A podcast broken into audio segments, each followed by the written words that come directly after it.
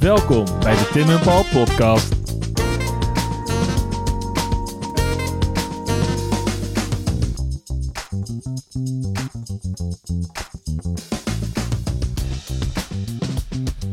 Paul, Tim, ehm, de volgende aflevering. ja, we gaan het dus weer, hè? We gaan echt als, we schieten als een trein door de, door de geschiedenis van de uitvindingen heen. Ja. Ehm, zal ik beginnen? Never change a winning eh, formule, hè? Ik ga het met je hebben over het scheepskameel. Oké. Ehm, daarvoor gaan we even terug naar de 17e eeuw. Altijd leuk. We weten Ja. het nog als de dag Neem van mee. gisteren. Ja, we waren- er een soort van bij. Ehm, ja, eh, in de 17e eeuw groeit de Amsterdamse haven bijna uit zijn voegen. Ja, Amsterdam wordt letterlijk een wereldstad. ehm, en je kunt, eh, als je in Amsterdam bent, producten uit de hele wereld zien, proeven, ruiken en voelen. Ehm, er is alleen eigenlijk een probleempje met die Amsterdamse haven. Geografisch gezien eh, ligt die misschien wel op de meest onhandige plek van het land. Want Ja. je kan er eigenlijk met een normaal schip niet komen omdat ehm, de Zuiderzee lastig te bevaren is. En vervolgens moet je in een soort van eh, hele smalle doorgang bij Pampus er doorheen. Want, op- het Noordzeekanaal Om die was er nog niet, hè? het Noordzeekanaal was er Nee. niet, het Noord-Hollands kanaal was er niet, het Amsterdam-Rijnkanaal was er nog niet, niet. de Kulse, de Kulse trekvaart, hoe heet het, was er ook nog niet. dan niet.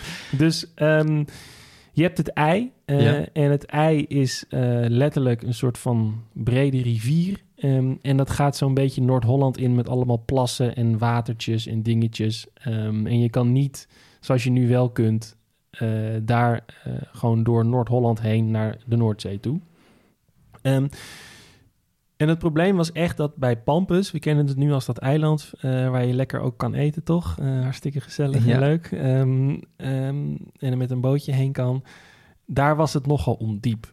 Daar wa- waren zandvlaktes, eh, waren zandbanken.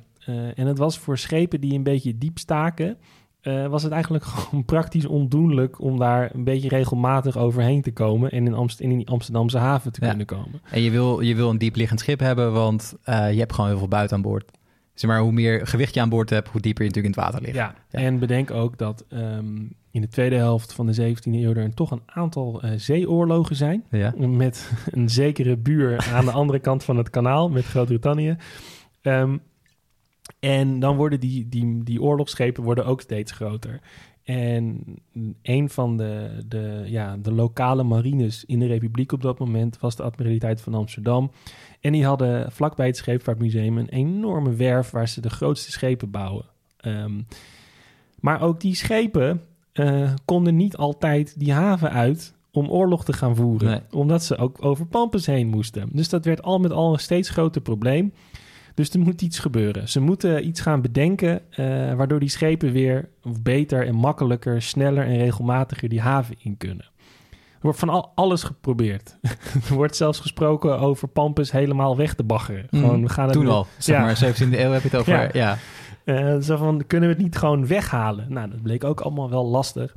En dan is er ineens het lumineuze idee van de Amsterdammer Meeuwis Meinderts zoon Bakker...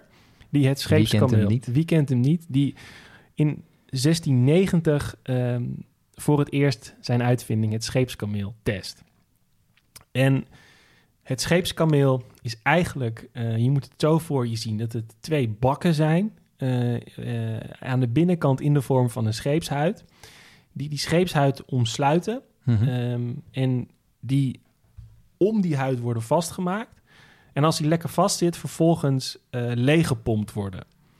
ja. Dus het water gaat uit die dingen en dat ding wordt lichter.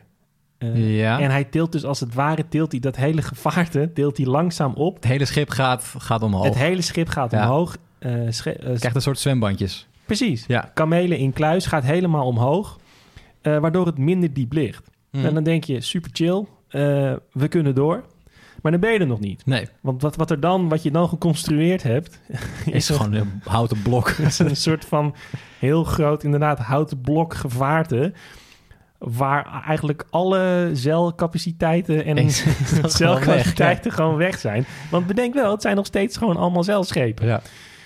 Dus vervolgens, en dat realiseert niemand zich, is dat er eh, allemaal kleinere zeilbootjes voor lagen, zogenoemde waterschepen, die op het... eh, Wacht even, dat zijn waterschepen? ja, dat, dat, Want dat, in tegenstelling tot Nee, ja, dat, dat, dat was een scheepstype waar, waar water in zat. Er werden Hmm. volgens mij uit mijn hoofd vaak gebruikt in de visserij. Eh, Er zat gewoon, gewoon een bak water in waar die vissen dan Oh, die- even ja. le- levend in bewaard konden worden. En volgens mij, eh, ik doe dit eventjes uit mijn hoofd, waren er dus een aantal van dit soort vissers op die, eh, op die Zuiderzee actief. Dat is nog immers nog niet het IJsselmeer. Op die Zuiderzee waren zij dan een beetje actief. En zij verhuren zich dan als slepers met die waterschepen. Want dat ding, dat gevaarte, dat moest vervolgens wel nog getrokken worden. Dat had nog, nog Ja, dat wel moet- slepers dat nodig. moet voorbij Pampus. Dat natuurlijk. moet voorbij Pampus, inderdaad.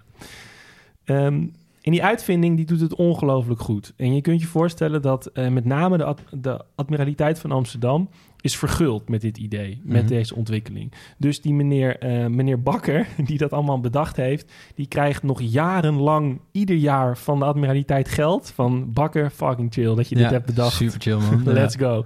Ehm, en je denkt, eh so far so good, eind goed, al goed, maar dat zou te makkelijk zijn. Mhm. Want aan het eind van de 18e eeuw wordt die, of zeg ik dat goed? Voor, ja, volgens mij aan het, aan het eind van de 18e eeuw, zo'n beetje begin 19e eeuw, ehm, wordt die ondiepte steeds ondieper.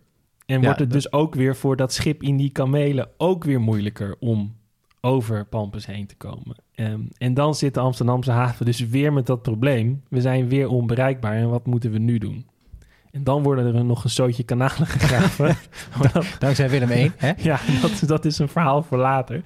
Eh, maar dat scheepskameel is dus echt ja, super toffe uitvinding... eh, Ja. om letterlijk die scheepvaart rond Amsterdam nog een beetje vlot te trekken. Nou, dat is nog redelijk goed gegaan, toch? Ja. Voor Wat nog wel een, een, een leuk detail is, en het is lastig om dat... details. Details, vet. Ehm, wat het is nog wel lastig om dat echt te checken. Ehm, Mhm. Maar het schijnt dus dat mede door, eh, door Pampus... die Amsterdamse oorlogsschepen altijd net een slagje kleiner zijn... dan die Engelse oorlogsschepen. Je kent toch, toch de beelden van eh, die enorme eh, ships of the line... Mhm. eh, van, ja, ja de, van de Royal Charles en dat Ja, soort... gewoon echt Ja, bakbeesten van vier- flatgebouwen van... vier dekken met, met, met kanons. ja, Geen kanonnen, kanons, Kanons, op, ja. op oorlogsschepen. Ehm, maar als je dat in Amsterdam zou bouwen... Ja, kom je nooit weg.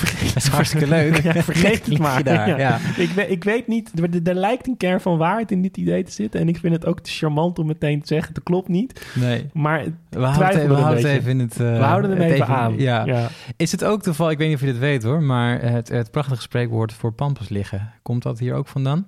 Dat je daar vast zit voordat je thuis bent? En... Nou, het, het heeft onmiskenbaar ermee te maken dat, het, ehm, dat je bij Pampus vaak stil lag. ja. En, vol- en volgens mij is er dan discussie of het eh, komt over in eerste instantie... dus voordat het scheepskameel was uitgevonden... of daarna als die ondiepte weer steeds ondieper wordt. Mhm. Weet ik even niet. Maar het komt daar wel... Het ja. is duidelijk dat het met Ja. Te maken heeft, ja.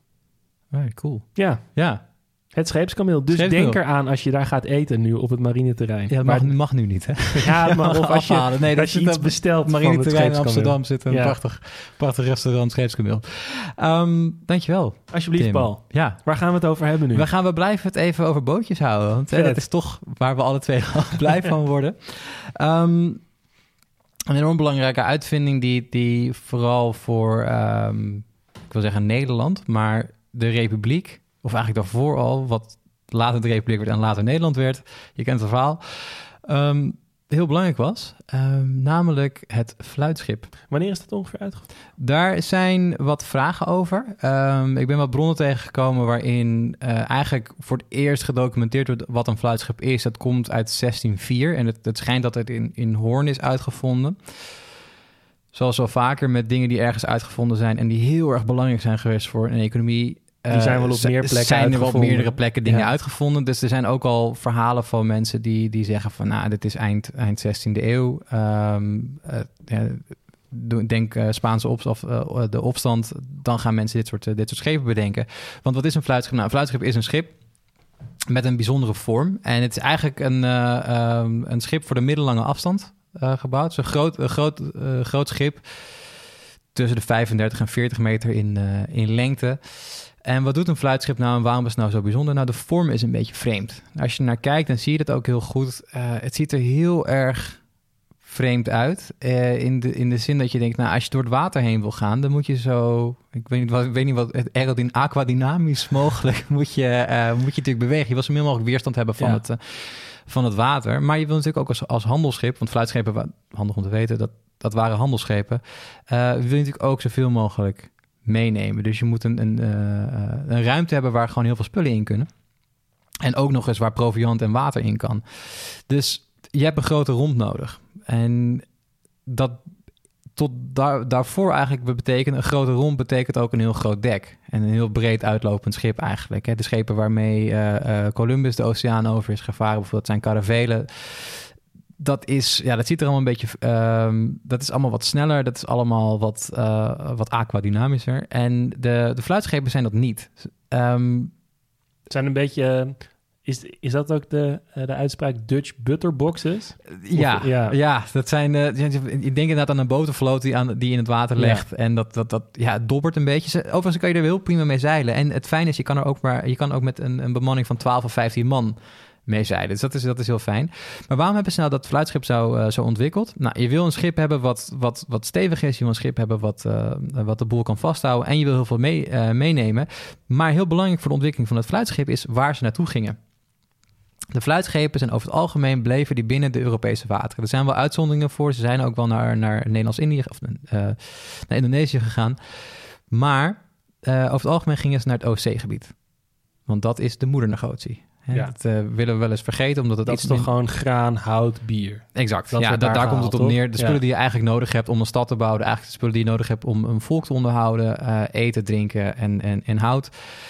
Eh, maar, dat- maar dat is toch, toch zeg maar het, het, het idee altijd dat, dat de republiek al dat geld verdiend heeft met, met de handel eh, op zeg maar de verre koloniën. Mhm. Waar, wat ook zeker gebeurde, maar waar de marges groot waren. Ja, Terwijl deze handel in volume misschien veel groter veel groter. Maar ja. de marges misschien Het is, het is echt een verschil tussen bulk en, eh, en luxe, eigenlijk. Ehm, dus wat die schepen doen, die gaan richting het OC-gebied. En dat is eigenlijk moet je dan voorbij Denemarken. Of je moet tussen Denemarken en Zweden moet je, eh, moet je doorvaren naar een gebied dat, eh, dat vaar je door de Zond heen. Ja. En de Zond had aan eh, twee kanten van, eh, van dat water zonder eh, een kasteeltje met, met kanonnen op jou gericht. En dan moest je dan de zondtol betalen. En dat is natuurlijk logisch, want het is een hele nauwe doorgang. En je wilt natuurlijk iedereen die er voorbij komt, wil dat daar geld gaat, eh, gaat betalen. Maar de eh, belasting werd geheven over de breedte van je dek. En niet... En niet over je inhoud van je, lading, van je, ja. niet over je lading. Want dat was natuurlijk ook te- niet te doen. Want als jij een schip hebt met 100 ton belading... en Ga je dat maar tellen. Ga dat maar even uit het, uit het ruim halen, weet je wel, als, uh, als Magnus Magnussen. En, en vervolgens dan alles gewoon meten en dan denk je, uh, dit is 100 kilo. Um, dat werkt niet. Dus wat wil je doen? Je wil gewoon meten, heel simpel, breedte van het dek van het schip. Dan weet je ongeveer hoeveel, hoeveel uh, spullen je mee kan nemen. Dus de fluitschip is eigenlijk een hele vroege vorm van belastingontduiking...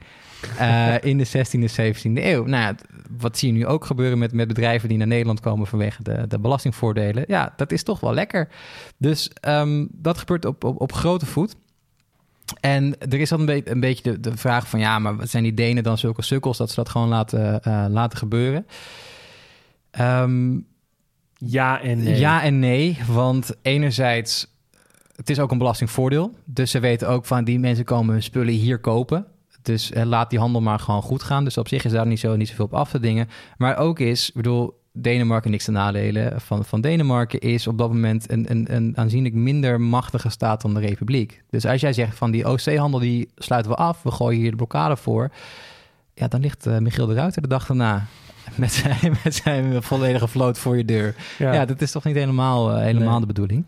En dat fluitschip dat gaat zo ver dat het, ik noemde net al dat ze ook wel naar, um, naar Indonesië gingen. Ze zijn ook gebruikt op de walvisvaart. Ze zijn ook gebruikt op de, de Franse vaart. Ze zijn gebruikt op de. Um... Maar dat, dat, dat fluitschip was toch um, het werkpaard. Absoluut. Van, ja, ja, het is precies wat je zegt. Het is het werkpaard. Het is misschien. Koopvaardijvloot, toch? Vergelijk het met uh, de Millennium Falcon in, in, in, Star Wars. Weet je, het ziet er niet best uit. Maar ja. weet je, het, het, doet wel wat het moet doen. Maar, maar de VOC had toch ook gewoon uh, fluitschepen? Zeker, tot, ja, tot die hadden ze ook. Het wagenpark behoren. Ja, ja, ja, die hadden ze ook. Ja, het VOC heeft. Um, of hun, hun grote schepen, dat zijn de spiegelretourschepen. Um, maar ze gebruiken ook zeker uh, fluitschepen. Ja. Absoluut. Het is gewoon heel erg handig om die, eh, om die te gebruiken. En je kan natuurlijk met schepen kan je natuurlijk allerlei kleine variaties in doen. Hè? Bijvoorbeeld die schepen die naar het Middellandse zeegebied eh, gingen. We hebben er ooit een keer een, eh, een verhaal over gehad over kapers. Ja, dan moet je nog even iets anders bewapenen. Dan Ja. als je naar die vriendelijke Polen en, eh, en Zweden Ja. toe vaart. Ehm, dus Maar misschien is het sowieso nog, nog wel goed om daar een, een klein uitstapje over te maken. Dat het heel makkelijk is, net als met schilderstijlen, om het nu in te delen eh, in zo van: oké, dat is barok. Oké, dat, Ja. is, dat is manierisme. Oké, dat is dat. Terwijl deze schepen, ehm, het werd natuurlijk ook. Werd er gewoon een element van dat daar gepakt. En Tuurlijk. deze had, had een andere mast. En deze had dat. En deze had dit. Dus we kijken toch nu echt zo van: oké, dit, dit is een fluitschip. Dit Ja. is een spiegelretourschip. Dit is een slavenhaler. Ja. Maar dat was natuurlijk allemaal, liep dat door elkaar heen. Ja, ja, er, waren, er zijn ook natuurlijk verhalen van, van fluitschepen die, eh, die naar Suriname zijn gegaan, bijvoorbeeld. Weet je wel, dus dat, dat, Ja. dat, dat is niet, niet zo exclusief als dat we misschien denken. En dat is een goed punt. Ehm, de, de, wat wel gewoon is, ja, dit is van de basis van de handelsvloot. Ja. Zijn die fluitschepen. En dan heb je daar natuurlijk variatie. Ik noem net het spiegelretourschip bijvoorbeeld. Die zijn echt aanzienlijk groter en die hebben meer kanonnen, kanons, sorry. Ehm, Ik weet trouwens niet of dat bij de koopvaardij is. Dat is een marine ding, kanons. Ik weet eerlijk gezegd niet. Nu wordt of- het, nu wordt het heel, heel erg moeilijk. Even eh, een meervoud van eh, kanon op land is natuurlijk gewoon kanonnen. Ja, Aan boord van een schip is het kanons. Maar ik weet niet of het, ja, wat jij zegt, Wat, dat is dus volgens mij... Maar misschien dat een luisteraar ons hier, hierop Eh, kan of aanvullen. ook voor de koopvaardij. Want eh, voor de koopvaardij heb je natuurlijk ook kanons of kanonnen. eh, ja, geschud. Geschud. Geschud, Ja, laten we daarop houden. Een neutrale term voor eh, iets wat knalt. Kanons of een kanon. Ehm, ja, die, eh, die, die fluitschepen, eh, cruciaal. Absoluut cruciaal voor de ontwikkeling van de, eh, van de handel. Waar de naam vandaan komt, niemand heeft enig idee. Ook dit weer, we weten niet zo goed wanneer het voor het eerst wordt gebruikt. Ehm, we weten ook niet zo goed wie die naam geeft. Er zijn allerlei verhalen over dat, omdat het een beetje lijkt op de vorm van een fluit, zou het een fluitschip zijn. Maar het lijkt ook op het Franse fluit, wat dan weer een soort Stokbrood. stokbrood is. Ehm, en er zijn ook mensen die zeggen van ja, dat komt omdat ze dan door de zon heen gingen als een fluitje van een cent. Maar dat is iets 19e eeuw, dus dat moet je sowieso me met de- onzin, heel ja. erg onzin. Dan moet je sowieso met de kooltjes hout nemen. Ja. Maar goed, uh, en fluitschepen. En wat wil je nog meer?